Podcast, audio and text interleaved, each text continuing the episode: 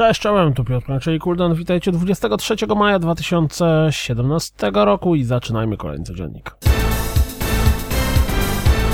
Nowy zwiastun Brawlhalla zachęca do zapisania się do zamkniętej bety, a ja po wspaniałej przygodzie z Brawlout, czy tam jakkolwiek to gówno się nazywało, nie mam ochoty na żadne, ale to absolutnie żadne podróbki Super Smash Bros.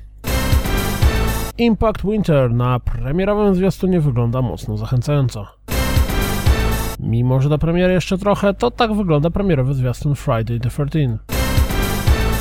Czas na trzecią część zwiastuna przedstawiającego postaci z Tekkena 7. Pojawił się zestaw zajawek Far Cry 5. Pełny zwiastun zobaczymy w piątek. Nie dość, że możemy zobaczyć nowy filmowy zwiastun Lowbreakers, całkiem fajny zresztą, to przy okazji dowiedzieliśmy się, że gra będzie dostępna również na PlayStation 4. Pojawiły się ploty, według których Call of Duty WW2 ma pojawić się również na Switchu.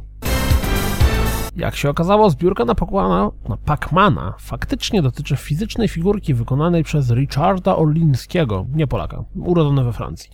Za jedyne 125 funtów może być wasza, jedyne 125 funtów.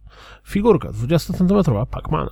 Produkcja ruszy przy przekroczeniu łącznej kwoty 30 tysięcy funtów, co w chwili kiedy to piszę stało się właściwie już prawie jasne. Timber Tennis pojawi się również na PC i konsolach. Wygląda na to, że film Uncharted będzie prequelem do gier, a w postać młodego Drake'a wcieli się Tom Holland.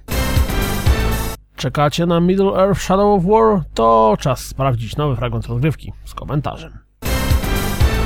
Patrząc po tym fragmencie rozgrywki Micro Machines World Series zapowiada się na grę idealną do wspólnego grania na kanapie. Mam tylko wrażenie, że kamera jakoś blisko tych aut. Hmm, Chyba, że to jest tak specjalnie w tym właśnie trybie.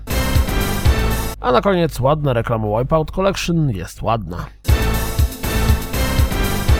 To wszystko na dziś, jak zawsze. Dziękuję za słuchanie, jak zawsze zapraszam na www.rozgrywkapodcast.pl Jeśli doceniacie moją pracę, wesprzyjcie mnie na Patronite i mam nadzieję słyszymy się jutro. Trzymajcie się, cześć!